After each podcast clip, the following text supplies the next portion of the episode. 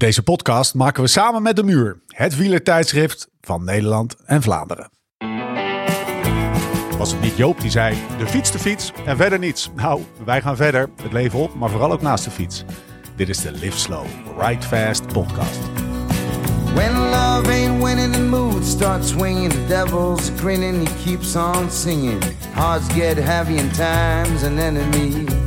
Vroeger, lang geleden, begin jaren 80, toen je met je remmen alleen nog kon remmen en Ronald Reagan in het Witte Huis zat. De tijd van China Easton en Ultra Fox, van Michael Jackson en Anita Meijer. En de tijd dat de koers vooral draaide om mannen als Van Impe en Raas, om Hino en Joop. Maar dat is een heel ander verhaal. 1980 dus. Maar vier Amerikanen stonden geregistreerd als profrenner. Er had nog nooit een Amerikaan aan de Tour meegedaan. En toch was daar de tamelijk onbekende Jim Okowicz die besloot een Amerikaanse wielerploeg op te richten. Met grootse ambities. Een sponsor werd gevonden en de ploeg, met schaatslegende Eric Heiden als de meest aansprekende naam, was vertrokken. 7-Eleven Cycling Team. Als een losgeslagen pak jonge honden reed Okowicz in de beginjaren heel Amerika door. In zijn Dodge Team van. En overal waar ze kwamen werd gewonnen. De New Kids in Town. Ja, er waren andere ploegen, maar niemand haalde het qua uitstraling en dominantie bij de mannen in het groen en rood. Goede koppen, dikke brillen en vooral de altijd aanwezige brede glimlach op de hoofden van de renners.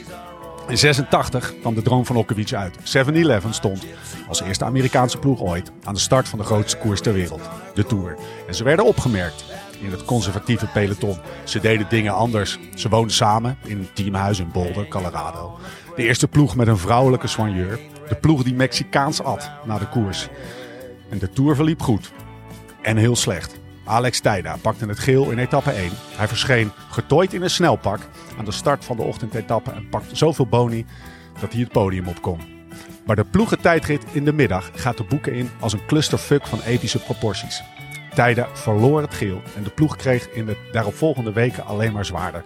Het werd voor iedereen van Eric Heiden tot Bob Rol een lijdensweg van Kenny van Hummel-achtige proporties. Maar het beeld dat bijbleef is de glimlach van die stoere Amerikanen. En het geel van de man uit Vancouver. Want de eerste Amerikaan in het geel was een Canadees. Gelukkig duurde het maar 15 dagen totdat een echte Amerikaan het geel zou pakken. En hoe? Greg LeMond won de Tour van 86 na een legendarische tweestrijd met Bernard Hinault. Maar dat, dat is een heel ander verhaal.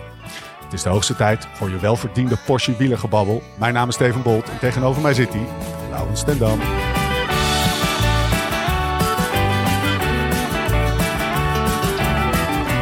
golden days are all around me. Nou, ja, voordat we. Want we hebben ons weer genesteld in een mancave van epische proporties. Voordat we het daarover gaan hebben. Kunnen wij even een, eh, een koersverslagje van de koers eh, gisteren op de wielenbaan van Alkmaar krijgen? Uitslagen graag, namen, rugnummers. Eh, nou, Laurens had rug nummer 6. Uitslag eh, 160 ronden koers. En als je dan bedenkt dat ik op, maar op vijf ronden gereden werd, dan, dan valt het nog mee. Maar dan moet ik bekennen dat de eerste 100 ronden vrij geneutraliseerd, terwijl knijthard trouwens achter een Danny gereden werd. Dus in 60 ronden werd ik eh, door, eh, door onze Jury Havik eh, en Kees Bol samen vijf keer gelapt. Ik, eh, 60 ronden, vijf keer gelapt. nou, het zat zo. Ik, ik was al lang blij dat ik die Danny kon volgen. Maar ja, ik ben. ik was gewoon best wel doodsbang op die wielenbaan. We hadden de podcast gedaan met Jorie Havik en begon te kriebelen. En Renier Honig, een vriend van me, die organiseerde een wedstrijd op de baan. Trainingswedstrijd. Ik denk, nou ja, ik ga gewoon even meedoen. Hoe erg kan het zijn? Maar dat is als je dan voor het eerst sinds twee jaar weer op die baan rijdt. Zonder remmen. En dan eh, in al het gevriemel van het peloton. Het waren er geen tien, zeg maar. Het waren 25 renners die in koers zaten of zo. Dus eh, het enige, of ja, niet het enige wat ik dacht, maar ik, ik was zwaar uit mijn comfortzone. Maar uiteindelijk was het toch wel weer eh, leuk om te doen. En als je dan ziet hoe, hoe goed zo'n Jury en Kees zijn, die dan zeg Ja. maar echt een zesdaagse kunnen rijden. We, we zitten hier iemand die ook eh, wel eens schrijft over de winterbanen, bij wijze van spreken. Ik, Ho, ho, eh, Oh, ik heb op een baan ja, dat bedoel ik. Jeetje, mina. Op de stadionbaan, Olympisch Stadion. In Amsterdam. In Amsterdam. Toen zei Peter Post, blijven trappen! ja, voordat je naar beneden gleed. Ja, Ja, ja. anders glij je naar beneden toe. Je moet echt hard rijden. blijven trappen! Dus eh, het was voor mij wel een overwinning op mezelf dat ik daar eh, aan de dat ik daar mee, nou, op het moment dat ik heen reed, dacht ik van joh, waar ben je nou weer aan begonnen? Ja, want hoe gaat het dan? Je springt op die fiets. En die heeft natuurlijk even voor de luisteraar die, die nog nooit op baan gefietst heeft. Dat is een, dat is een, dat is een fiets zonder, eh, zonder versnellingen en zonder, eh, Nou, kijk, ik heb zonder remmen, zeg maar. Ja, doortrapper. hoe dat gaat. Ik heb vroeger bij de junioren eh, op de baan nog wel wedstrijdjes gereden. En ik heb Ja. ooit als prof nog één keer een, een Ted Rood Classics gereden. Ted Rood was de, een legendarische districtstrainer in het Holland. Die is ooit ja, die is overleden. En ter nagedachtenis is in december nog steeds een wedstrijd. Die heb ik ooit gereden in 2018, meen ik. Omdat ik een weddenschap ook met Reinier Honing had. Dat ik hem wel zou kloppen of hij mij zou kloppen. Of dat ik niet in de dezelfde ronde kon finishen. Een van, een van die dingen was de weddenschap. En ik denk dat dat serieus de laatste keer was dat ik op de baan reed. En nu, ja, kriebelde toch zo. Dat, eh, ja, ik kreeg zo'n... Ik kreeg zo'n... Ik kreeg zo'n... Ik zat in zo'n appgroep met... Jongens, we organiseren een trainingswedstrijdje op de baan. Wie doet mee? Je moet 6 euro betalen voor een tikkie om mee te mogen doen. En voordat ik wist, had ik die 6 euro betaald. En toen dacht ik me van... Ik moet nog een baanfiets regelen. Ik heb geen baanfiets meer. Die Giant die ik had, die heb ik eh, weggegeven aan iemand. Dus toen moest ik opeens... eh, heb ik een oude baanfiets van Nicky kunnen ritselen. Bij, eh, die bij Surfs Koers stond. En wat voor een? Ja, en die mannen van Surfs Koers, dus de lokale fietsenmaker... die hebben hem eh, een wit stuurlintje erom gedra- gedraaid. Want Ilja Keizer die rijdt op de baan met een wit stuurlint. Dus Lau ook. Was het niet een fiets? Maar alleen, die Iljo ook alleen? Al, er waren er maar vier à vijf gemaakt door Specialized ooit voor Nicky en Iljo om de zesdaagse te rijden. Want in de zesdaagse heb je gemiddeld Ja. wel twee fietsen, omdat anders die mechaniciens die verzetten blijven wisselen. En toen, eh, ja, zo ben ik eigenlijk volledig onvoorbereid die baan opgesprongen. En eh, ben ik dus in 60 rondjes eh, vijf keer is er omheen gereden door Jury en Kees. Maar, maar betekent dat dat het een, eh, een epische clusterfuck was? Of was, was je eigenlijk nog best wel tevreden? Nee, nee, nee, wat ik zeg, de eerste, volgens mij reden we 50 gemiddeld. Dus eh, volgens mij, want ik, we starten vol, ik had even snel gerekend en er is iemand naast me heel goed in nummers, maar we hadden, we starten om, om drie uur, om kwart voor vier waren we binnen en dat was 40 kilometer. Dus nou ja, dan, dan is het ruim. Alleen ik had wel 1,1 1250 meter minder gereden in die drie kwartier. Maar eh, nee, eh, ik, ik, eh, als er nog een keer zo'n wedstrijdje wordt georganiseerd, zal ik best wel weer die baanfiets in, in gang swingelen, denk ik. Ehm, twee, is het wel twee weken geleden, bijna twee weken geleden, zaten wij, hebben eigenlijk een soort, heb jij vooral, blijft een trauma overgehouden aan, aan de, omdat jij zelf een mancave heeft. En ja, we toen in een mancave waren van, ja, eh, ja, wat voor proporties waren het? Het was, het was meer een, eh, jouw mancave hadden we toen Ja, het is- betiteld als, als de, de, de, de kledingkast of zo, hè? Ja, die, nou, die mancave waar we toen zaten was de, de, de natte droom van iedere profielrenner. Ja. Dat was de mancave van Wout van Aert. Dus die had een, een, een fietsdouche, kon je daar, zeg maar, je, je kon een fietswasplaats binnen eh, een, een, een, een fitnessplek met allerlei touwen en banden waar je kon zitten. Nou, een grote lekkere bank. eh al zijn shirts hingen aan de muur. Eh, Hoe zou je deze plek bemodderd, eh, er stonden 18 fietsen. En ik denk dat dit de natte droom is van iedere iedere, ja, ik denk vooral eh muziekliefhebber. Want ik zie, nou, ik, ik, ik ga ze niet tellen, maar ik denk, dat ik denk dat je drie dagen bezig bent om de cd's te tellen. Wat me opvalt ook heel veel basketbal. Basketballiefhebber. Eh, ik zat net een Sports Illustrated volgens mij uit 2016 te lezen met, eh, met, eh, met Jordan op de voorkant. En een fietsliefhebber. En eh, eh, fietsliteratuur, fietsboeken, overal boeken over basketbal, wielrennen. Nou, wie ook maar enig gevoel voor logica eh, heeft en een sportliefhebber is, die kan het optelsom maken. We, Jack zitten, van Gel. we zijn er eindelijk, Lau. Ja, we zitten bij Mart. Hoi Mart. Ja, leuk dat jullie gevraagd hebben of, met z'n drieën iets konden doen. Eh, en dat eh, de- jullie, jullie naam golfde al vooruit. Hoe werkt dat? Gaius, dat zou langskomen. dus dat klopt ook, ja. Dat hem. En ik heb gezegd, eh, op deze maandagmiddag, want we nemen het op op maandagmiddag, dan, dan, dan doe ik mijn best om niet proportioneel als een wielrenner te gaan liegen, maar de waarheid gewoon een beetje naar boven te Is halen. ook wel eens leuk. Nou, nee, dat is niet echt leuk. Nee. Nee, is niet echt leuk. Minder sappig. Nee, liegen is, is gewoon een vervelende eigenschap. En, en eh, eh, daar ben ik niet aan gewend. Misschien, eh, misschien komen we er nog op terug. Verder Heel misschien. Heel, heel misschien, heel misschien. Podcast over wielrennen. Ehm, is dit de eerste podcast die in, in deze hoedanigheid wordt opgenomen? hier, hier zijn er al een stuk of honderd opgenomen, denk ik of zo. En hebben we het dan altijd over de kopgroep? Ja, ik weet niet of dat zo heet ook eigenlijk. Maar ik doe iets voor, eh, voor ehm, Radio 1. Ja. En die, die organiseren naar, naar, naar ratio van hoeveel geld ze nog in de pot hebben. Dus als er nog eh, eh, een paar honderd euro over zijn, dan wordt er een week in de Giro gedaan. Of Oh ja. een week in de Vuelta. Ja. De Tour is dan heilig, want dat is, dat is heel aantrekkelijk voor iedere radiomaker. De Tour slaat aan, daar luisteren de meeste mensen naar. Ehm, en dat gebeurt dan, dan hier. Vanuit hier neem je op. Ja, Of, ja, eh, en- maar, ja, maar dat is het punt. Eh, sowieso de laatste twee jaar vanwege dat gekke corona gaat doen natuurlijk. Maar daarvoor was het ook zo. Dan had je eh Bogert in België. En dan Ja. was er Joost Vullings die of, of in Brussel of in Den Haag zat. Dus dan, dan werd het wel gewoon ehm, gesplitst opgenomen. Wat niet leuk is, want je zit hier helemaal in jezelf. Zit je een beetje te luisteren wat die anderen, waar ze ook vandaan komen, aan het vertellen is. En de interactie van, zoals het, wij zitten nu, zitten we keurig anderhalve meter van elkaar af. Hoewel mij opvalt dat jullie wel erg dicht bij elkaar zitten. we drinken koffie, we hebben stroopwafels. eh, en, eh, en straks gaan we wijn drinken. Dus, nou, en daartussendoor Klinkt, eh, klinkt als een we een goede beetje middag. over waar hij zijn beroep van gemaakt heeft. Goede setup. Ja. Eh, luister je wel eens podcast? Nee, nooit. Oké. Ik heb nog nooit naar een eigen podcast. Nee. Ik zou niet ook weer. Ja, mijn vrouw is handiger in die dingen, maar. ehm, en er is een technicus die een keer op mijn telefoon zoiets gemonteerd heeft. Ja. Dat, maar, maar Zo'n app. Ja, zo'n app. Maar dat, la- laat, ik doe Maar niks. überhaupt vraag, eh, luister je wel, eh, heb je, eh, kijk, kijk je überhaupt wel eens uitzendingen van jezelf terug Nee, of stukjes? Nooit. nooit. Nooit. Nooit gedaan. Nooit gedaan. Nee. Waarom zou ik? Ik weet wat ik gezegd heb. Ik weet wat ik gedaan heb. Ik weet wat ik aangetrokken heb. Het is allemaal zo simpel. Nee, ik ben er, niet, nee, ik ben er ook niet in geïnteresseerd. Misschien moeten we ook eens stoppen met al die feedback op onszelf. Ja, nee. Maar jullie, jullie moeten je, je, je ijdele tijd nog krijgen. Ja. Ik bedoel, ik, ik ben alweer op de weg terug. Ja? Ja, nee, dat- ja, maar zo ligt het toch? Je- Het is, het is als een, als een, als een bergetappe. Eerst, je moet omhoog. Nou, dan ben je omhoog. Dan denk je dat je heel wat bent. En dan, eh, dan ga je rustig zeilend ga je de berg af. En dan kom je in het dal. En, dan, nou ja, en, en ik, ik ben nu in het dal en eh, zie overal begraafplaatsen om me heen. Zo is het ongeveer. Weten jullie nog wanneer jullie elkaar voor het eerst zagen? Heren Smeets en Tendam. Of wat de eerste herinnering aan elkaar is? Nou, die was goed. Anders zou die hier niet binnenkomen. Vertel. Nee, ik heb, we hebben het altijd heel goed kunnen vinden.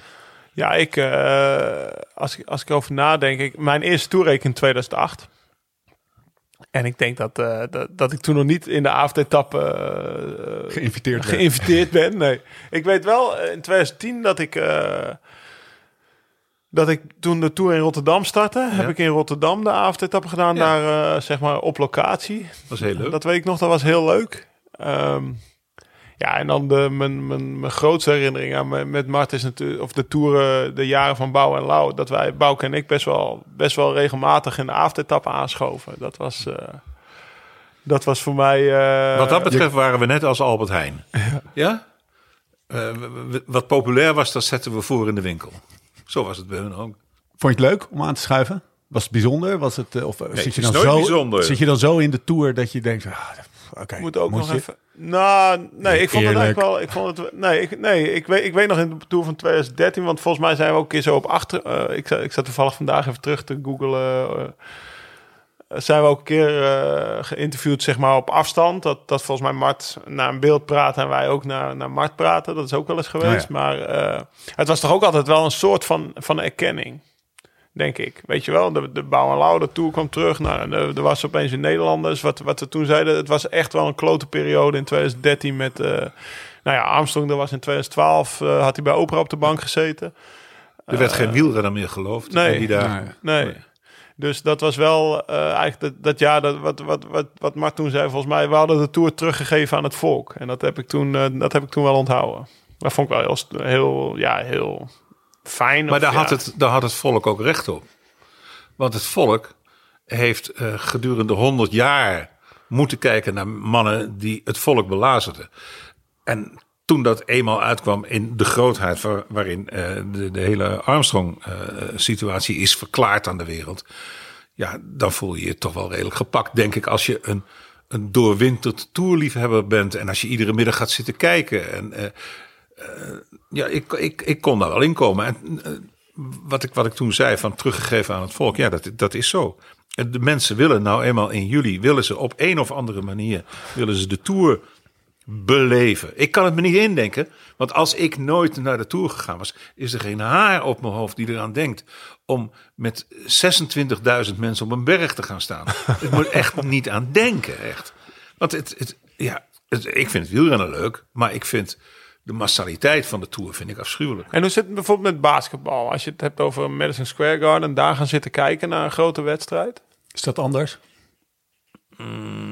Ja, dat is een stadion. Daar gelden regels en die regels gelden niet bij de Tour. Het is, het is gewoon een Wild West. Als je, als je ziet hoe je... Dat, dat maak jij, heb jij nooit meegemaakt. Nee, maar als je bijvoorbeeld... Ik, ik heb soms angstdromen van de obiesk af te moeten na een etappe. Dat doe je god beter het vijf en een half uur over. En je krijgt alles naar je harses gegooid wat mensen bedenken. Ze gooien zakken met urine tegen je auto aan. Ze staan letterlijk tegen je auto aan te piezen. Met hun dronken harses. Hé, hey, Smees, godverdomme, een klootzak. Ja, en dan zeg ik u de helft, dan bent u ook ziek. Maar waarom zegt u dat? Jongen, god, maar ja, sodemiet erop. Ik zeg, maar waarom bent u zo? Waarom zegt u dat? Ja, dat weten ze dan ook niet. En dan zijn ze zo dronken. Die staan de hele dag op die puffende berg. Ja, en die hebben een krat bij zich en die is op als de renners komen. Nou, dan zijn die renners langs en dan gaan ze zich afreageren. En blijf daar maar eens normaal onder. Maar, maar eh, wat was er dan wel leuk? Want eh, dit wat ik nu hoor is niet leuk. maar dit, niet, maar daar- maar ga je, gaat het ook niet niet leuk. 40 jaar doen als je het... Als Jawel, je, ik, vind, ik vind het werk leuk. Ja. Ik vind de journalistiek leuk die er achter wielrennen zit. En ik vond het, het maken van filmpjes vond ik heel leuk. En van grotere films vond ik heel leuk. Overigens, na jouw intro, weet jij dat in 86, toen Haydn, Olympisch kampioen met slechts vijf gouden medailles, dat Haydn toen meereed. En hij had het tot de derde week geschopt. En hij ligt te slapen en zijn telefoon gaat. En hij ne- neemt op en zijn moeder belt. En dat was nog nooit gebeurd. Nog nooit had een van zijn ouders zich ook maar een centimeter bemoeid met wat hij allemaal deed. Nog schaatsen, nog fietsen. En zij zegt dat ze een droom heeft gehad en of hij die middag alsjeblieft voorzichtig wil zijn in Europa. Want zij heeft gedroomd dat hij een enorme tuimeling zou maken van de bergen. Want ze wist wel dat hij in de bergen reed. En wat gebeurt er? Hij klapt toch van zijn fiets af. Hij heeft een, Hersenschudding. een, een, voor, een voorwiel, eh, een voorband, die klapt uit elkaar. Nou, dan, is- dan weet jij dat. Ja, dat is ja, niet te dan ben ik, dan ben je niet te houden. Nee. Dus hij heeft een val gemaakt. Hij had het later, heeft hij het uitgerekend, van ongeveer 50 meter. Ja, alles rosbief natuurlijk. Ja. En hij als arts zijnde begreep, dit is, dit kan niet. Maar hij begreep ook als kind, waarom heeft mijn moeder voor het eerst in haar leven enige interesse getoond in mijn sport? Omdat ze die droom had gehad. En wat gebeurt er? Hij klapt op zijn muil. Nou, dat vind ik iets buitengewoons. En er zijn dus. En op het moment dat ik die dingen opsla, denk ik ook, dat is dus wat wielrennen leuk maakt. Al die dingen op te slaan. Niet allemaal, maar de meeste zijn toch wel heel grappig. Ik kan me herinneren dat ik voor het eerst zijn kleine mancave op vier wielen zag. Oh ja, ja die, eh, die, eh, die, Die, die, chef. die had hij voor het hotel in, in Po neergezet. Weet je dat Ja, nog? ja, ja. Tessa die volgde toen Ja, de ja, Tour. Tess stond, die stond en met dat ding daar. Ja. Die, had, die had zich ook nog gekleed in een iets te zomerse uitdossing.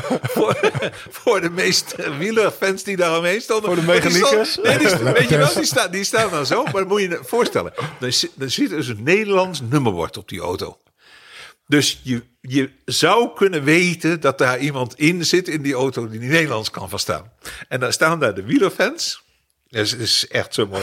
En die staan, en dan komt Tess, die komt naar buiten. Moet je kijken, wat een lekker weef. God, Mia, wat een titel zeg. Goh.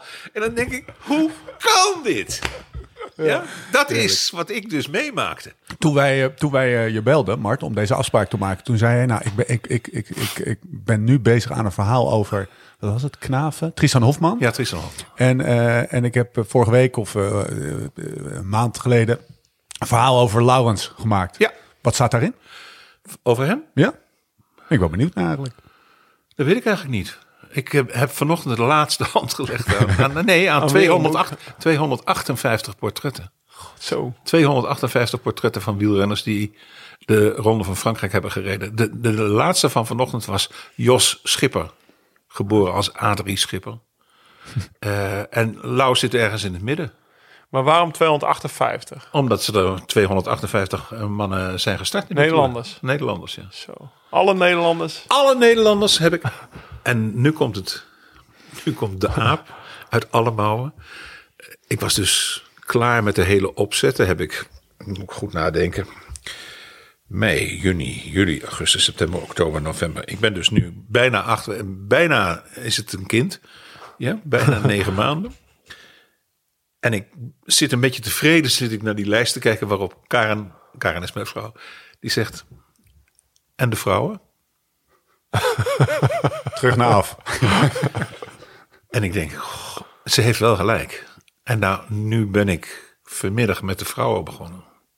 Hoeveel zijn dat er? Dus dus Tour Ik Féminin. denk, ik denk Tour Féminin en, en eh, La Grande Boucle. La, La Grande. Ze heeft, heeft ja. altijd een Ja. andere Ja. naam gekregen. Maar ik begin dus met Mieke Havik Oh ja. uit Volendam. Dat weet ik ook nog. En zij was vroeger getrouwd eh, met een collega van mij. En Mieke was de eerste vrouw die een Tour-etappe won. En was de eerste vrouw die de gele trui kreeg. En wij op de commentaarpositie in de Alpen, dat weet ik ook nog. Wij moesten commentaar geven bij, ik denk, 1 minuut en 10 seconden van die damesetappe. Nou, dat was al veel. De, toen was de de. Spanjaarden, de Spanjaarden, de Fransen, de Italianen, die, die, die wilden dat niet uitzenden, want dat vinden ze verschrikkelijk. De Belgen hadden daar nog meer morele voor. Ja, een wijf, dat zet ik het ook niet om een velo, jong. Eh, en, en wij hadden zoiets van, nou ja, laten we dat nou maar doen. Het, dat filmpje komt zo direct. Dan gaan ze met een mannenkoers weg en dan ga- gaan we dat vrouwenfilmpje. Dus ik zie daar Havik winnen. Gelukkig weet ik wie ze is. Ja, want ik ken Hans Hogendoorn, haar man. Ja, toen man, later heeft ze een wissel toegepast. Wat prima is. Dat geeft precies aan hoe wij in Nederland daarmee omgaan. Vrij. Eh, ja, en dan wordt ze op het podium geroepen. Het podium is hetzelfde podium waar jij op gestaan hebt. Ze staat daar en ze moet de gele trui aantrekken. Maar hoe moet dat nu? Dat hebben ze nog nooit gedaan. Dus Mieke Havik, die is gewoon een vrije meid. Die pakt haar eigen wielershirt, trekt dat over de hoofd aan. En daar staat ze in haar BH. Nou, dat kon het katholieke deel van de journalistentribune niet aan. Dat was echt waar. In, in Italië en in Spanje zijn ze direct van scherm. Maar ze had gewoon, ze had gewoon een sport-BH aan. Wat het, het meest normale is wat een vrouw kan doen. En ze trekt, daarna trekt ze die gele trui over haar hoofd. En zegt bravo. En ik vond dat zo leuk. Dat vergeet ik dus nooit van mijn leven. En als erfenis daarvan dacht ik van... Via mijn vrouw, mijn eigen vrouw, die daar erg op let hoor, dat moet ik wel zeggen. Eh, want ook oud, oudsporter. Eh, als je de mannen doet, dan moet je de vrouwen ook doen. Dan moet je maar gewoon consequent zijn. Maar nu komt het grappige. Nu ben ik gaan spitten in de uitslagen en wie reed waar en op hoeveel kwam die binnen en nou dat soort dingen meer. Dat heeft dus niemand bewaard. Niemand. Er is er één in Nederland, Jacob Bergsma, daar, waar, waar je Ja, ja. van gehoord hebt. Die, die is daar heel precies in. Die heeft dat goed gedaan, maar niet bij de KNWU. Niet bij, zelfs bij, bij de ASO. Ah, monsieur, pour les femmes, non. non. Dat weten ze dus niet eens. Nee, dat hebben ze. Dat is in een, in een map ergens in een, in een kast terechtgekomen. Dat, dat, dat telt dus niet. En dat, dat geeft dus wel aan hoe wij in de loop der jaren daarmee om zijn gegaan. Vergeet niet. Dus 83 denk ik dat de eerste was. Drie, toen was de Voor de eerste, dames. Voor de, voor, voor de dames. Drie, en toen is het eh, een paar jaar niet. En een paar jaar weer wel. En een paar jaar weer niet. En ruzie en geen sponsoren. Ze zijn nooit serieus genomen. Totdat Marjan Vos op een gegeven moment geroepen heeft. En nu is het afgelopen. Nu willen we serieus genomen worden. Dan zeiden ze, maar ja, jullie hebben, jullie hebben La Cours. Ja, La Cours is één klein rottig koersje van, van 60 kilometer over de Champs-Élysées. En dan mag je om, om 11 uur 's ochtends rijden, terwijl de mannen daar om 4 uur Waar binnenkomen. je in de TGV zitten naar Parijs toe. Dat, dat, dat is, dat is geen, geen tour voor vrouwen. Dus toen dacht ik, als ik dan toch serieus genomen wil worden, dan doe ik dat ook. Ik ben Wer- benieuwd. werk aan eh, de winkel. Doch. en, en Jean. Want uh, Jean, want, want die dat zijn wij- uit, toch? Nee. Sorry. ik, ga, ik ga heel even... Ik ga eerst spoor, ik, wat- ik probeer een beetje te... Wat, wat ligt er op de loer dat we hier vanavond om 8 uur nog zitten? Is oké op zich. Heel lang. Als, en, en chaos is eigenlijk ook oké. Maar dan toch, eh, want er staat een fles wijn op tafel. Spoorboekje eh, eh, eh, noopt ons tot eh, vertellen wat we eh, op tafel hebben staan. Eh, Inclusief de, het bericht van onze wijnkenner erbij. We, willen het he- we, we hebben jou nog niet eh, op een op fatsoenlijke manier geïntroduceerd. En eh, waar willen we het over hebben? Mart, eh, Amerika, eh Ja. de rol als schrijver, eh, de veranderende journalistiek. Eigenlijk alles wat maar ter tafel, ter tafel komt met, jou, met jouw permissie. Ja. Zullen we eens naar Spike gaan luisteren, Lau? Ja, zal ik hem tevoorschijn Kan jij hem naar voren eh, Even toveren? kijken. Oké, wat wij, zoals ik al zei, Mart, wij hebben, we hebben ons best gedaan voor de wijn. Omdat toen, wij, toen wij Mart belden, toen hadden we een grote mond. Het zei Mart, we gaan naar jou toe en je gaat de beste wijn drinken die je dit jaar drinkt. En binnen de tiende van een seconde zei, hoorde ik aan de andere kant van de lijn, moet je van goede huis komen, Lau. dus toen dacht ik van, oeh. Maar toen heb ik Spike gebeld Ja. en dit stuurde Spike. Beste Mart, ik dacht dat ik je inmiddels kende, na je op de voet gevolgd te hebben bij Studiosport en For The Record. Maar dat je een wijnliefhebber met een eigen wijngaard bent, dat wist ik nog niet. En dat verklaart waarom je waarschijnlijk altijd op zoek bent naar de absolute kopman onder de wijnen. Dit is echt de top van het Duitse en daarmee internationale witte wijn. Mijn kort maar krachtige proefnotities waren dan ook krachtpatser in een elegant kostuum, met superrijk wilderig fruit en zuren met sterrenlures, met spanning en rijkheid. Wijn die meerdere decennia mee kan, maar nu al fantastisch is. Mart, ik wens je er veel plezier mee. Wat leuk. Ehm, nou, dan kunnen wij, eh, dan kunnen wij die, starten eh, met de, met de fatsoenlijke introductie. Ja, Jack van Gelderen noemen Ja, we het Jack van soms. hè. Gelderen. In een even, warm bad. even in een warm bad leggen. Zeggen we dan. Martinez Jan Smeets. 11 januari 1947. Sportjournalist, verslaggever, commentator, presentator, schrijver. Geboren in Arnhem, getogen in Amsterdam. Tien jaar profbasketballer bij Levi's Flamingo's Haarlem. Drie. Oh, oh nou, dan, drie. dan de Wikipedia moet worden aangepast. Beëindigd, Wikipedia mag je nooit geloven. Nee, nee. Oké, bij deze. Eh beëindigde na een ongeluk met een loopbrug Ja. zijn sportloopbaan om direct aan de slag te gaan als journalist. Werd als jonge NOS-medewerker achter zijn bureau vandaag getrokken om de Tour van 73 te gaan verslaan voor de radio. Een loopbaan als wielervolger voor de NOS die tot 17 april 2016 zijn 40ste Amstel Gold Race zou duren. Met oké, hier en daar een korte pauze. De man van de avondetappe die hij vanaf 2015 maakte.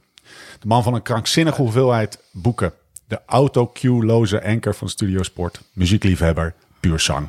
Van harte welkom in de Live Slow Ride Fast podcast. Mart Smeets. Ja. Die loopbrug was een brug ja, die ze bouwden. Nee, die bouwden ze voor de Floriade. Waar de, waar de, eh, de, de nieuwe raai nu staat, daar, daar, daar moest iets overheen. En dat sodemieterde in elkaar. En ik lag eronder. En ik keek naar mijn arm en er stond een, een bot stond zo recht. En toen dacht ik, dat is niet goed. En als je een sport speelt die je met je handen moet doen. En je arm is dat gedaan. Dan, je kan het nog zien. Ja, het is helemaal niks. Maar het is... Wist je was dat- meteen Wist je, meteen dat het klaar was? Ja, vraag ik. Ah, ik denk het wel. Ik denk het wel, ja. Maar het, wat nog leuker was, en dat, dat wil ik nog wel eens in, in, stoere verhalen eh, neerleggen. ik lig daar dus. Het had gesneeuwd een beetje. Lichte sneeuw, maar ik lag in de sneeuw. En ik had een takkenpijn overal. Ik was, op mijn hoofd was er wat gekomen. Mijn arm was, dat bot stak er dus uit. Ik had mijn staartbeen gebroken, weet ik veel. En er komen van die, van die uh, werklui, die daar waren, waren bezig met hijskranen en zo. En dan staat er een die buigt zich over me heen en die zegt, nou deze maar liggen, die is dood. Oké. Ja. En toen dacht ik van... Zo gaat het in Qatar nu. Ja, ja. Maar ja, maar dat weet Vergaal niet hoor. Nee, nee, nee. Maar dat, dat, dat vond ik wel een, dat vond ik wel een reden om, om door te leven. Ja. Dat vond ik wel. eh, Nee, maar omdat ja, toen was je 6, 27 of. eh, Even denken. Of, nou, nee, misschien vroeger in de 20, 24 denk ik of zo. Ja. en was je, toen ook al, net. was je toen ook een beetje klaar met het basketbal Nee, al? nee, of was nee, het nee, echt nee. gewoon, ik was, eh, ik was van plan om, om, eh, om goed door te spelen. Maar dat, dat zat er niet meer in. Deels omdat ik niet goed genoeg was. Dat, dat is een feit wat, wat niemand zal ontkennen. En ik helemaal niet. En eh, omdat we hele goede Amerikaanse spelers kregen die op die plaats stonden. Dus het was volstrekt logisch voor mij dat ik andere dingen ging doen. Heb je gedroomd van de Olympische Spelen? Nooit. Nooit, nooit, nooit. Er is ook nog nooit een Nederlands basketbalmannenteam naar de Olympische Spelen gegaan. En dat duurt nog tot, tot zeker 5012. voordat, voordat, nee, maar dat is niet zo. Dat, daar, komen, daar komen wij nooit. Nee, nee en ik, was ook, ik was heel reëel erin. Ik, ik deed mijn best. Ik haalde het Nederlands team. En voor de rest, dat was het. het was, ik, ik was geen ster B bedonder. Ik las ergens dat je acht sporten hebt gedaan voordat je op basketbal uitkwam. Ja, dat is ook wel waar, denk ik. Ik heb getennist, ik heb gevoetbald, ik heb roeien was eigenlijk, als ik dat gedaan had, dan had ik eigenlijk, daar had ik in door moeten gaan. Waarom? Nou, dan kan je wel dus de Olympische Spelen. Als je je vier jaar lang de takken traint. hè, Nou, kijk naar al die roeiers. Die, Het zijn allemaal cycli van, van vier jaar die ze nemen. Dan, dan gooi je dus alles eruit. Ja, ja, je, je, je vrienden, je vriendinnen, je, je vrouw, je kinderen. Alles gooi je eruit. Ga je vier jaar trainen. En dan train je zo hard, dan, word, dan kan je Olympisch goud verdienen. En Wiggo heeft het ook nog geprobeerd. Wie? Ja. Wiggins, Bradley. Na zijn carrière. Na zijn carrière wilde Ja, dat hij als roeier gedaan, gaan. ja. Maar dat, eh, dat, Dat is was- niet goed. Hij gooide niet alles eruit. Ik denk dat dat zijn probleem was. Nou, hij had nog wel meer problemen, heb ik soms eens het idee. Maar, eh, nee, maar, maar dat, dat had, Ja. daar had ik in door moeten gaan. En eh, Maar dat dat, is heel leuk. kwam dat vanuit jezelf? Of werd dat gestimuleerd door roeien? je? Nee, Nee. door gewoon sporten. Zoveel, zo Nee, mijn vader was, zijn. mijn vader was een, eh, een, een goede hardloper en een behoorlijke voetbalkeeper. En mijn vader was alleszins redelijk. Eh, Links-liberaal. Dat is een goede eigenschap voor iemand. Ehm, en hij was wel een voorbeeld. Ja. We deden hardloopwedstrijden op, eh, op het strand en zo. En dan kregen we op ons lazen van, eh, van, van onze vader. Mijn broer en ik verloren van die oude, die kon nog sprinten. Jezus, mina. En ik ben ook dus voetbalkeeper geweest. Ik heb gebasketbald. Tennis ging goed, veel te goed. Eh, toen dacht ik eraan om een tenniscarrière te, beg- te beginnen. Ik vond volleybal leuk. Ik eh, heb wel handbalwedstrijden nog gespeeld. Eh, schaatsen was heel makkelijk. IJshockey was leuk. Balgevoel komt er wel naar voren. Dat, Jawel, je moet, Wel, ja, ja. Ja, En, en nou zit jij te wachten veel. tot ik roep van... Ja, maar wij hadden wel wielerwedstrijden in de straat. ja. En dan was ik Anke Thiel. Maar dat trok toch niet, niet zoveel aandacht bij, bij de andere aanwezigen... dat we eh, op wielrennen gingen. Nee, dat, dat, daar was de buurt ook niet voor. Ik zat in een, in een, in een eh, nog niet bekakt Amsterdam-Zuid. Maar wel een, ehm, een Amsterdam-Zuid waar mensen mm, van enige waardigheid leefden.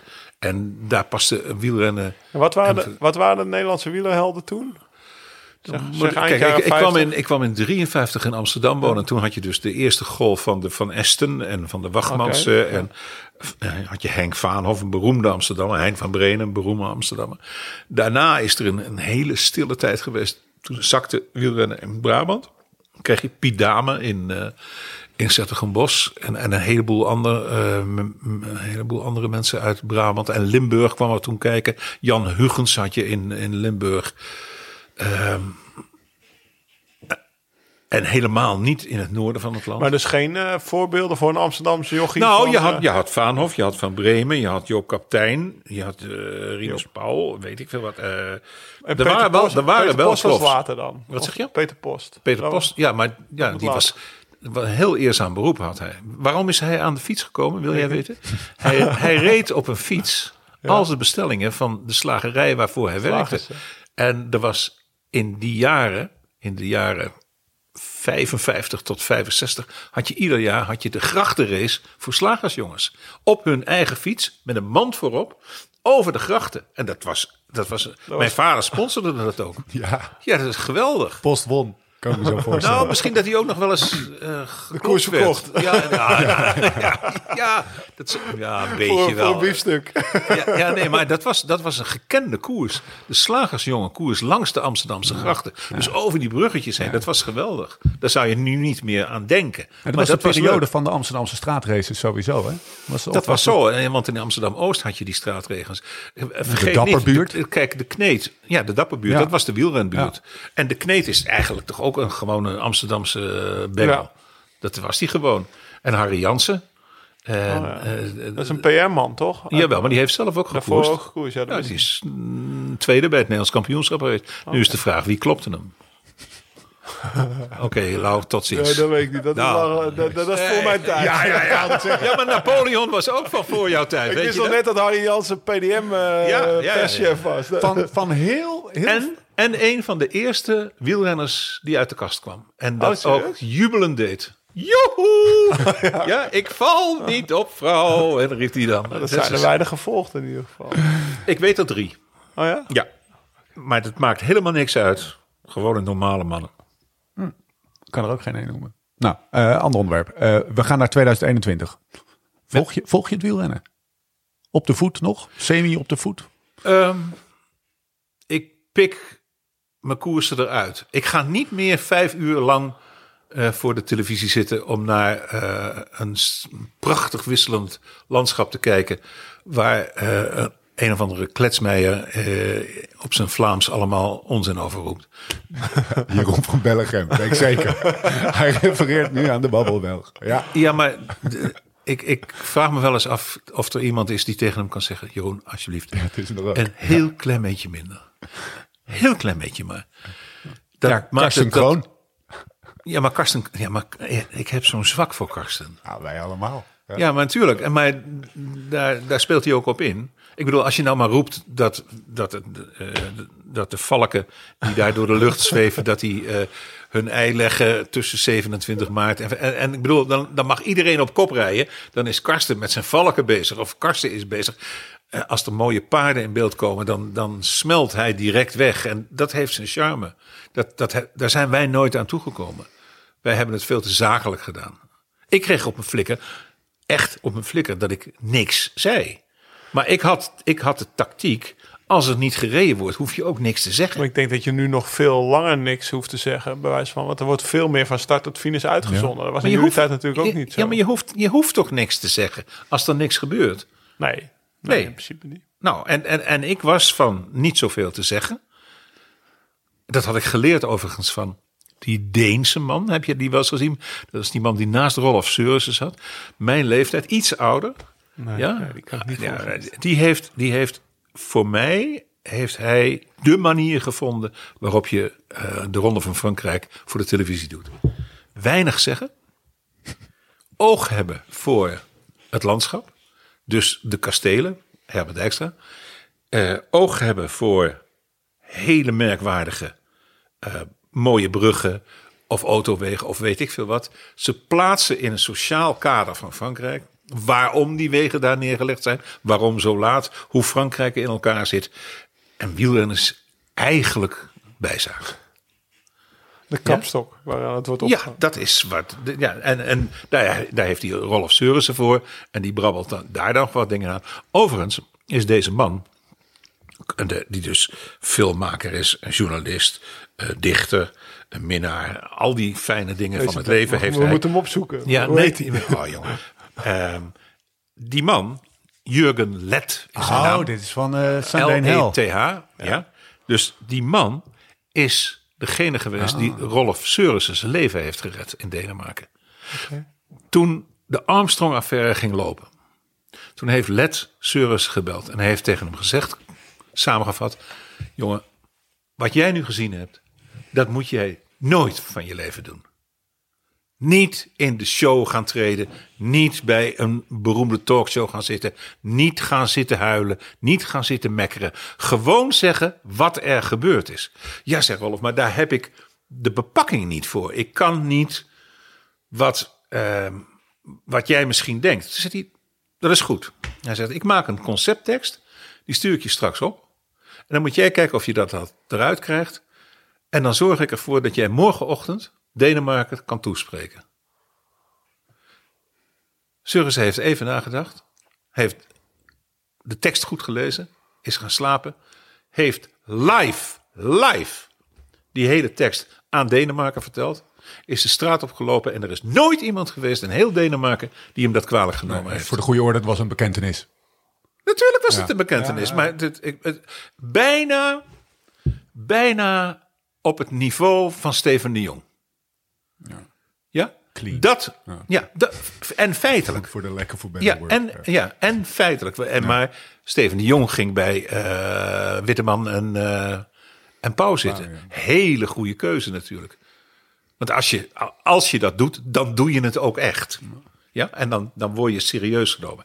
En Seurissen, nou, Rolf was, was geen makkelijke, dat weet jij. Rolf was geen makkelijke man. Die was opstandig en had in Italië gereden. Moest aan zijn centje denken. Wat ze allemaal moesten natuurlijk. Rolf heeft geluisterd. En Rolf zegt, zei later tegen mij.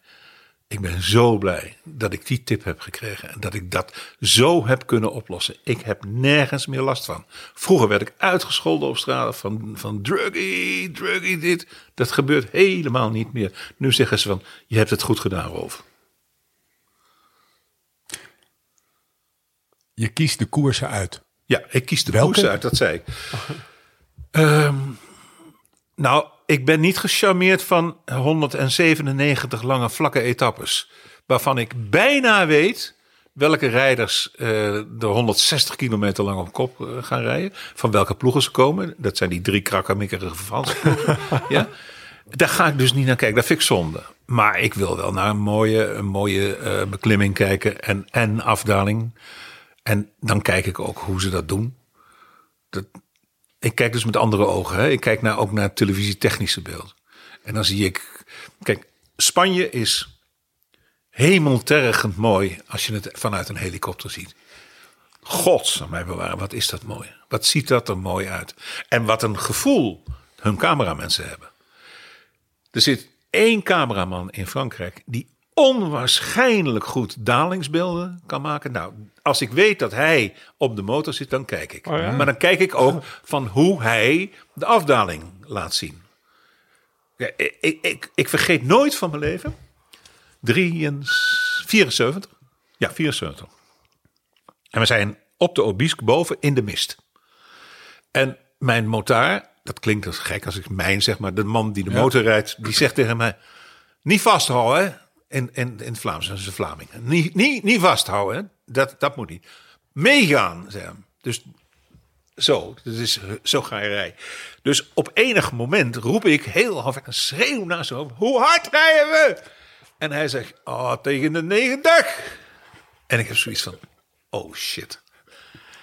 Op dat moment passeren wij twee, drie renners. Dus wij helemaal links van de weg en die renners keurig rechts. En dan hoor je ook van, wat voor de domme wordt er geschreeuwd. en eh, non de jus. En toen ineens voelde ik een hand op deze schouder. Ik denk, de- wat is dit? Is dit de, de, de duivel? Ja, die, die me nu komt halen. En ik kijk opzij, Eddie Merckx. En Eddie kijkt me aan en zegt, welkom in de echte wereld.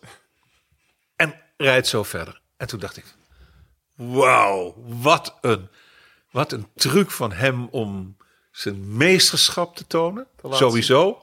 En dan als gastheer op de berg, ja, deze noviet op te nemen in dit leventje. Welkom in de echte wereld, zei hij tegen me.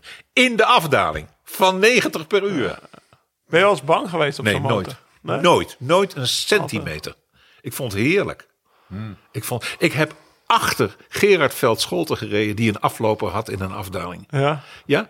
En dat, je zag dat alle andere renners... die stoven weg van hem. Ja? En, en hij haalde het net. Hij haalde het net. Hij kon die fiets... Kon die, nou, zo in het taluut schuiven... en hij kon er uitkomen. Hij had riempjes uiteraard nog. Eh, nou, dat was iets ongelooflijks. En toen dacht ik van, als je op zo'n fietsje zit, dan heb je helemaal niks. Als je één klapper maakt, die, die, die, die- toen jij dat met, Ja, ja. met je gochel, jezus, krimmel, ja, dat is. Was en, je toen, wa- was- was je toen, nee, dat was Nee, de, ik- de, de en Dijkstra. Of was jij dat nog? Nou, ik denk dat ik erbij zat, maar dat, dat doet er ook helemaal niks toe. Ik heb het wel moeten zien en ik heb er iets van gezegd waarschijnlijk in een uitzending. Maar eh, Afdalen. Op het, moment, ja, op het moment dat je, dat je je gewaar bent wat er in feite gevraagd wordt van een mens op een fiets, dan, dan ga je toch anders naar fietsen kijken. Dan, dan, dan komt er iets van. Ik heb sowieso respect voor de, voor de levende medemens, want die doe ik nooit kwaad. Eh, misschien wel een beetje cynisch benaderen, maar dat mag. Maar ik heb fietsen geleerd in vooral de afdalingen van. Ik heb een keer achter Savoldelli gereden. Nou, die was gek. Die, die, die, die sloeg stukken over. Dat kan niet anders.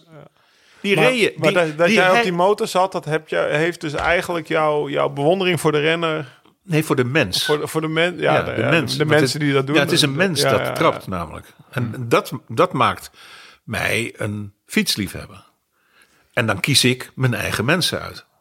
En dat is niet zo moeilijk om die te vinden. Lees die boekjes die ik maak. Lees nu ook dat nieuwe boek wat ik geschreven heb. En wat volgend jaar pas uitkomt hoor. Bij de Tour. En dan zie je wat ik prettig... Welke. Fijne mensen vond. Ja, ja, en er zijn ook sonore leugenaars en bedriegers bij. En daar hoef ik niet mee om te gaan. Bergetappes, Ja, terug naar de hoofdroute. Bergetappes, Ronde van Vlaanderen, Roubaix. Zondagmiddag gaat er een biertje open. U, u ja, zet maar, zich maar, op de zetel. Maar nee, ik ga niet om half tien naar de start kijken. nee? Nee, dat vind ik dus Ja, ik ben- ik- ik ben dat vooral- is, Nee, maar dat is voor Wuits. Die, ja, laat hij dat lekker doen. Dat vind ik. Maar dat past ook niet in het Nederlandse systeem. Dat hebben wij nooit gedaan.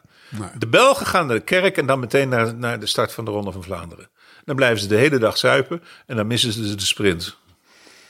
Zoiets. Zo, zo, zo zie ik het, het fietsen daar. Het is, België is wat dat betreft totaal anders. Kijk je als liefhebber naar de koers? Gewoon als supporter? Als, Nee, ik als, kijk als als- televisiemaker. ja. Ja, ik kijk naar hoe en wat. En, Kan je opwinden? Nee, waarom zou ik? Ik heb geen enkele invloed. Ik maak me nooit druk om wat dan ook. Oké. Waarom zou ik me...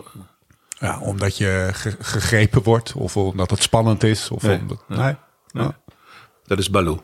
Er komt, eh, er komt, we, hebben- we hebben, een, we hebben een, eh, een inbreker in de podcast. Nee, is goed. De Poes Baloo. Laat Baloo, Baloo. Een poesje.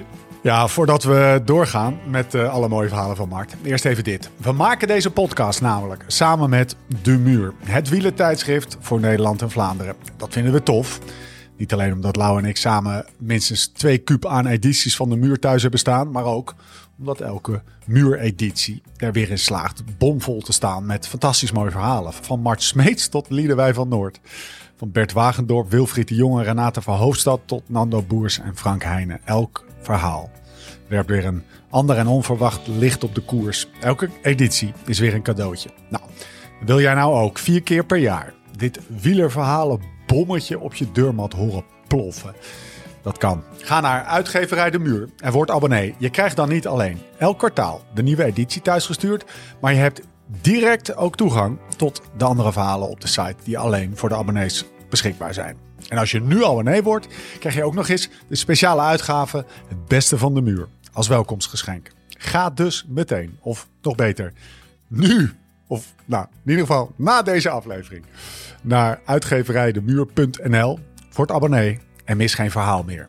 Over verhalen gesproken, door met de podcast.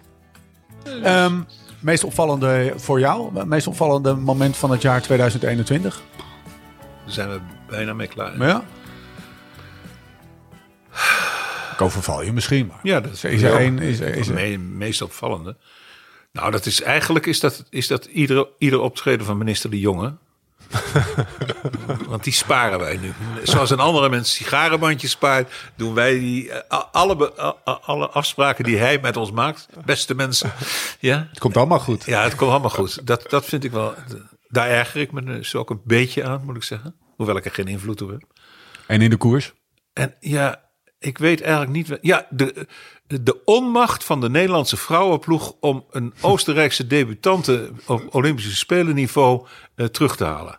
Daar heb ik met de grootst mogelijke verbazing naar zitten kijken.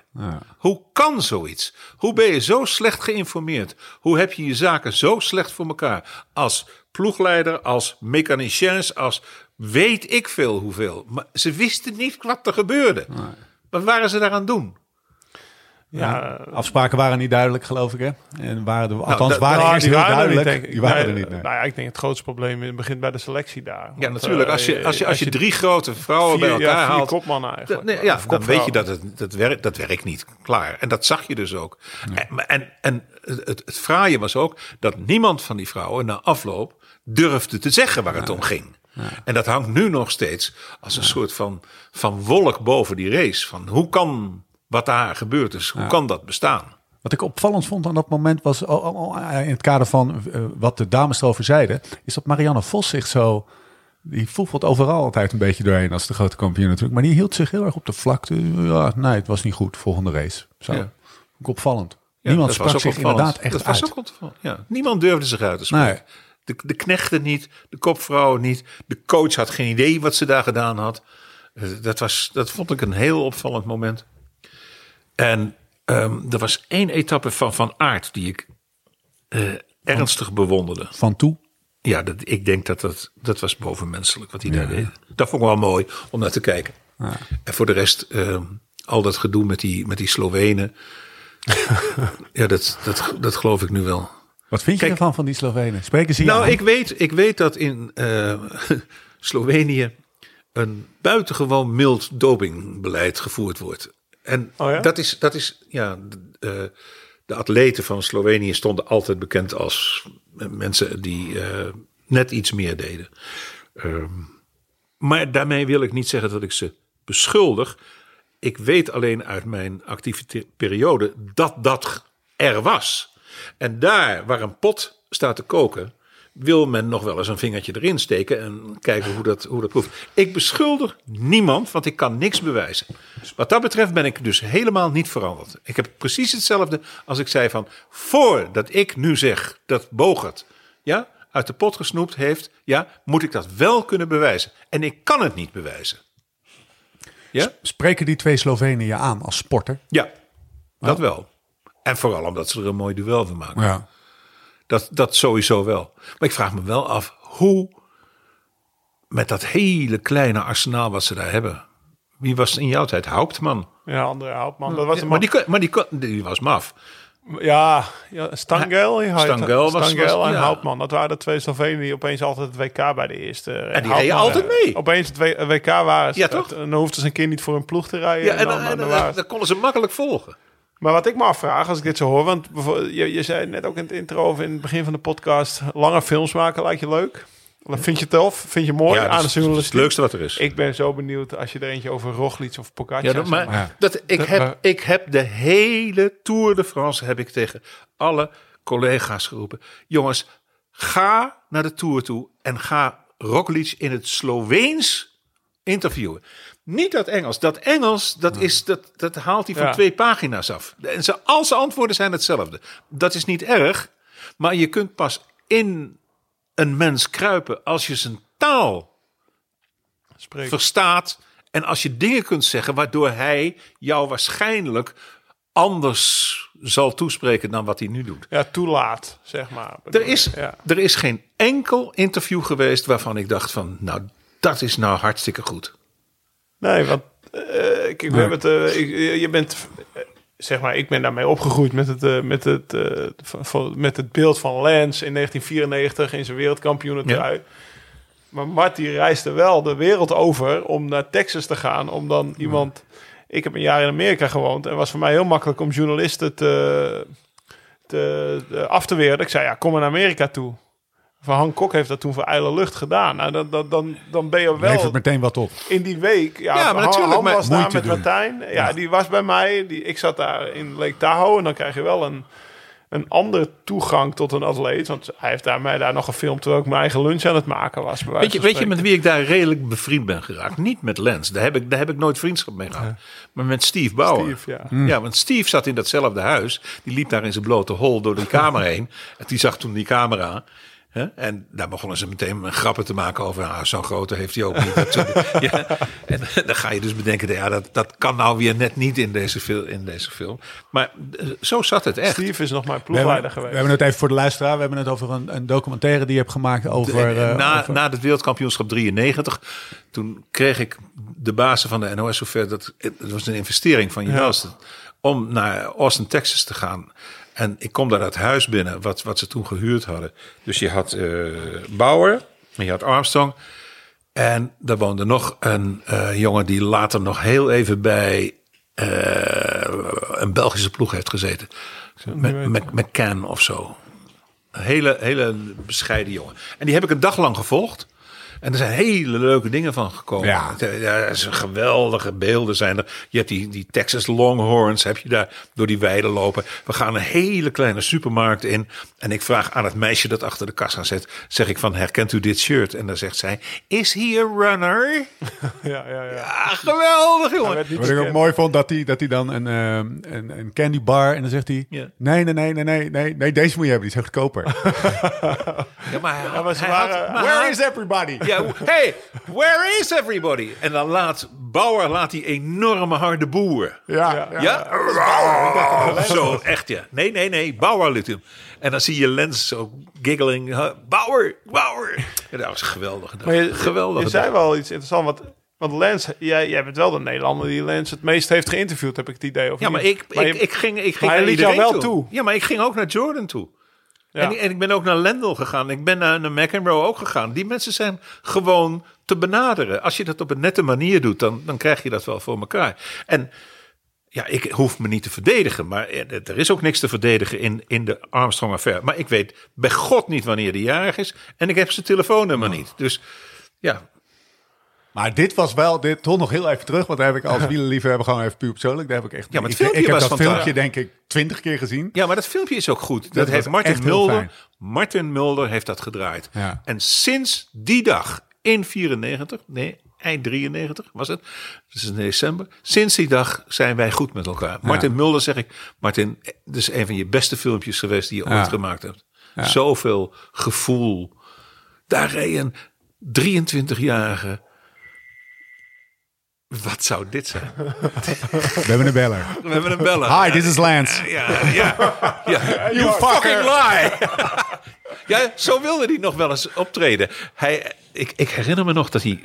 Het was ergens in begin 2000 of 2001. En we, we, we zitten ergens koffie te drinken op een afsteekroute. Dus wij komen, we gaan even aan de, aan de kant van de weg staan. En dan gaan wij linksaf en dan, zijn- dan zijn we meteen in de finish. En ik sta daar koffie te drinken. Gewoon zo, met die mok in mijn hand. Ja, en daar komt peloton. En ze reden, nou, ze reden eh, 29. Ja, iedereen zat te lullen. En ineens roept hij: You fucking smeet! Get that fucking coffee out of your fucking hands! Hij zag alles. Hij zag alles dat ze kreet. Ja, ik denk, eh, wat... eh, Echt. Hij had toch op, ja?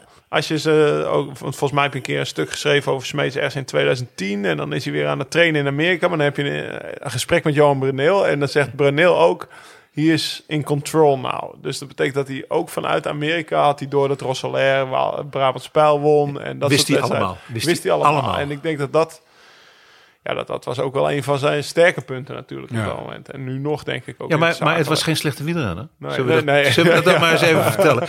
Want ik, ik moet dan altijd van de goede gemeente in Nederland zeggen van dat alles uit een potje komt. Dat is helemaal niet waar. Alles komt uit de drive dat hij de beste wil zijn en dat hij zich helemaal het klaplazers trainde. Dat hij daarna die hele organisatie heeft opgezet. Niet alleen voor zichzelf, maar ook voor al die andere eh, mensen die, die rond hem zaten soigneurs, assistentploegleiders, ploegleiders, doktoren. Alles at uit zijn hand en verdiende veel. Nou, als je dat hele beeld ziet en je ziet, je plaatst dat in de tijd. En de tijd is aangegeven door de tijd die daar vooraf ging.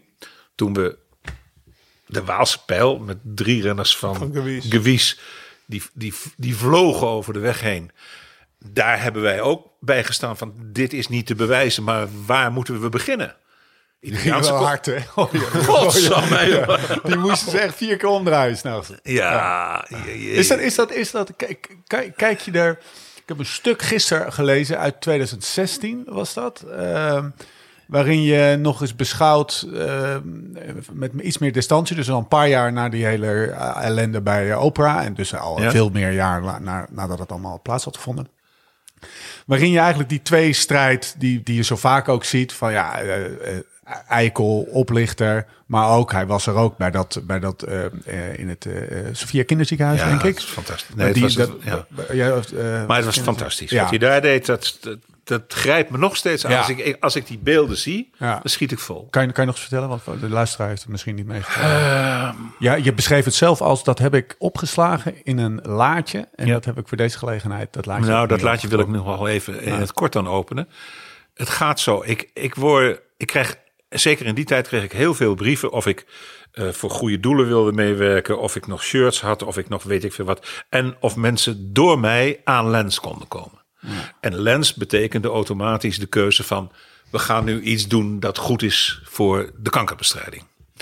Want dat, dat was na zijn problemen, is, is dat toch. eh, De Livestrong Foundation. Ja. eh, ja, dus dat, ja, dat is iets groots. Ik krijg hem via Johan Bruineel aan de lijn. En ik zeg, Lens, ik heb wat vragen voor je. Hij zegt, dat is goed. Ik zeg, mag ik maar een camera meenemen? Want we zitten dan en dan voor de tour. Dat is ook goed. Hij zegt, wil je daar en daar? En daar was hij echt, echt. Ik zeg altijd dat secreet, maar dat bedoel ik niet. Daar was hij fantastisch. En hij zegt, ik zit daar op die woensdagavond. Kom dan tussen zeven en half acht. Ja, dan, dan ben ik net van de, van de tafel af. En net voor eten, dan, dan doen we het even. Dat had hij dus al vastzitten. Dus ik kom daar aan. Hij roept alleen maar, kijkt op zijn horloge en zegt... You're late, 10 minutes. En krijg je meteen op je flikken. En, en hij riep er ook nog bij... You order the wine. Ik moest zijn wijn bestellen. Ik leg hem uit dat ik zoveel mensen heb gehad... die naar hem op zoek zijn. Of, ze, of hij iets wil doen bij de start van de Tour in Rotterdam. Hij zegt van, wat vind jij? Ik zeg, kan je doen. is heel goed voor je, voor je, eh, je, beeld. eh, hè? Je staat hier ook onder verdachte in Europa. Dan zegt hij, you, you organize that shit. Ik zeg, nee, ik wil wel weten, wat wil je? Zegt hij, you organize that shit, I'll be there. Ik zeg, sure? Sure. Ik ga naar het ziekenhuis toe. We spreken af om er een ochtend van te maken. Zij selecteren vijf patiënten. Vijf patiënten die als toekomst nul hadden. En die mensen die mogen daar met hun familie komen. Ik zorg ervoor dat Lens om 11 uur in het ziekenhuis is. Hij komt binnen. Hij loopt in een basketbalbroek tot op zijn knieën. Hij heeft gimpies aan en van die hoge latex sokken. Een normaal, een normaal eh, shirtje. Hij heeft zich niet geschoren. Hij kijkt ons aan en zegt: Good morning, everybody. En wat er toen gebeurd is in dat uur, heeft niet mijn visie op de mens lens van dat moment geheel veranderd, want dat is pas later gekomen. Maar ik heb wel gekeken naar iemand die iets deed dat onwaarschijnlijk knap was. Hij kapselde iedereen in, oncologen, chirurgen, patiënten, ouders, kinderen. Alles en iedereen kreeg een hand, een aai, een goed woord, een mooie zin. Aan het eind had hij een toespraak. Nou, jongens, dat je dacht, hoe is het in godsnaam mogelijk? Hij moet over twee dagen moet hij de proloog hier rijden. Hij was niet gehaast. Hij was aardig. Hij maakte een reference voor iedereen en zei: Als jullie het niet erg vinden, ik moet nog even naar een andere patiënt. Wat was het geval? Vijf mensen had hij daar helemaal privé. Was niemand bij, hè? Was echt niemand bij. En ook geen cameramensen die heel stiekem niks. Hij met vijf patiënten. En die heeft hij allemaal toegesproken van: Don't give up. Fight. Fight your fucking life. Dat soort dingen, dat soort taal. Maar er was er één die had, omdat Rotterdam helemaal vastgelopen was als verkeer, eh, die had de, het ziekenhuis niet bereikt. En wat doet die vent? Hij zegt tegen de, de PR-man van, van zijn clubje, hij zegt, find out where that, where that ambulance is. Die man lag in een ambulance. Die hebben ze gevonden. Die hebben ze gestuurd naar de parkeerplaats van een hotel. Aan de rand van Rotterdam, zodat hij daar kon komen. Hij is met de ploegleiderswagen naar dat hotel gereden. Hij is die ambulance ingegaan en hij heeft een half uur met die patiënt zitten kletsen. Dan heb je klasse. En dan interesseert mij hetgene. Niets. Ik, zal, ik, ik, word er boos om, omdat ik het zelf nauwelijks kan vervatten. Wat er toen voor een berg stront over hem heen is gegaan. Dat deed hij. En dan dacht ik van. Hoe kan je aan de ene kant zo'n oplichter zijn. En zo iedereen manipuleren. Inclusief ons allen. En hoe kan je daartegenover doen wat je die ochtend gedaan hebt? Eerst die mensen in dat ziekenhuis. Die, jullie kunnen je niet indenken wat er gebeurde. Huilende ouders. Ik heb met, met, met vaders van 60, 70 in mijn armen gestaan. Met de tranen over, over, over me heen. Die mensen waren zo gelukkig. Het was alsof Jezus Christus op aarde was teruggekomen. En die liep over water naar die patiënten toe. En dan is het nog niet voorbij. Dan zegt hij van, waar is die andere? Oh, dan ga ik die opzoeken. Wauw. Volg je hem nog? Nee. Zo'n rijlen en zeilen, zo'n podcast. Nee, nee. eh, Ik, ik heb. Toen hij net klaar was met dat, met dat eh, gedoe eh, met Oprah Windy. ja. Toen heb ik hem gesproken. Heb ik hem, toen kreeg ik het telefoonnummer van Johan Brunel, geloof ik. Die toen nog niet verdacht was. Nu weten we iets meer. Ja, ik bedoel, als, als Armstrong opgehangen wordt, moet eh, Johan Brunel gevierendeeld worden. Toch? Een redelijke mastermind. Ja, jeetje mina. Nee, maar ik kreeg het van Johan Brunel en ik bel hem. En toen zei ik van, ik vind eigenlijk dat jij eh, mij wel een soort van excuus... Dus je belt Lance op. Ik, ik belde hem op. En, hij- en hij nam ook op. Want Ja. dat, dat, dat was het, eh, Een geheime nummer. het, het geheime nummer. Wat ik ook meteen... Ik, wat ik, Johan Brunel zei, ik geef het je voor één gesprek. Ik zeg, die afspraak maken wij. Ik heb het meteen weggegooid. Ja? En ehm, to- toen bel ik hem op en toen zei ik... ik vind dat je mij best een excuus kunt geven. Hè? Een mea culpa of weet ik veel wat. Maar het feit dat je me jarenlang buitengewoon strak, goed... en voor een heleboel mensen te goed hebt zitten besodemieteren... You think I'm that conniving? ja, conniving. Ja. Prachtig woord. Ja. You think I'm that... Mard, you think I'm that conniving? Come on. Zo. Nou, dat, en toen zei hij, ik vind het goed als je, als je kon praten, maar geen microfoon en geen Oh ja. Camera erbij. Dat wilde hij toen nog niet. Toen heb ik gezegd, nou, dat, ik wil het wel graag met microfoon en camera doen. Nou, well, my boy, zei hij toen, uh, that finish this conversation. En mijn Maar waarom wilde je dat met camera doen? Want het maakt er niet uit. omdat, de, omdat het spel wat ik met hem speelde, ook op camera en microfoon ging. En dan vind ik dat die mensen die dat allemaal meegemaakt hebben en gezien hebben, die mogen dan ook de afloop daarvan zien. Die mogen ook die excuses krijgen. Zij zijn ook allemaal voorgelogen. Al die televisiekijkers zijn ook voor, voorgelogen. En nogmaals, ik heb, ik, ik, ik heb het helemaal kunnen plaatsen. Ik plaats het in het tijdperk. Ik plaats het in de sociale omgang. Zijn sociale omgang is van very, very low. Dat weet je. Het is, eh, Ja, hij komt, hij komt nou niet uit een... Uit een, Oh, zo. uit een, een, een- Trailer trash-achtig. eh, ja, het is, het is ja. white trash. Ja. Het is, Tenminste, dat werd gezegd. Kan ik niet beoordelen. Maar dat werd in ieder geval door Amerikaanse collega's gezegd. Hij komt uit white trash. En hij heeft dus ook de, de, de manier van spreken, denken, doen van white trash. Daar heb ik geen uitspraak over gedaan. Het enige wat ik kan doen is dat ik zeg van... ik heb geprobeerd om te bewijzen dat hij stoute dingen deed. We waren heel ver, kan ik je meedelen nou. Maar we hadden een ja, we, we waren heel ver. Er was, er was iemand uit zijn hele nabije kring die hem spuugzat was. eh, en die ook ontslagen was. En die wilde wel. Eh, en toen zijn wij met Wie was dat dan? dat gaat niemand wat aan. Dat is niet eerlijk als ik dat zeg. Er was toen. Het was wel even Nee. worth a try, toch? Nee, ja, natuurlijk, die mag je dat vragen. En toen ben ik naar mijn baas gegaan. En heb ik gezegd: Dit is het wat we hebben. En toen zei hij: En daar moeten we dus nog een tweede bewijs bij hebben. Want dat staat in onze statuten. We hebben altijd als statuten gehad dat je het twee keer moest bewijzen.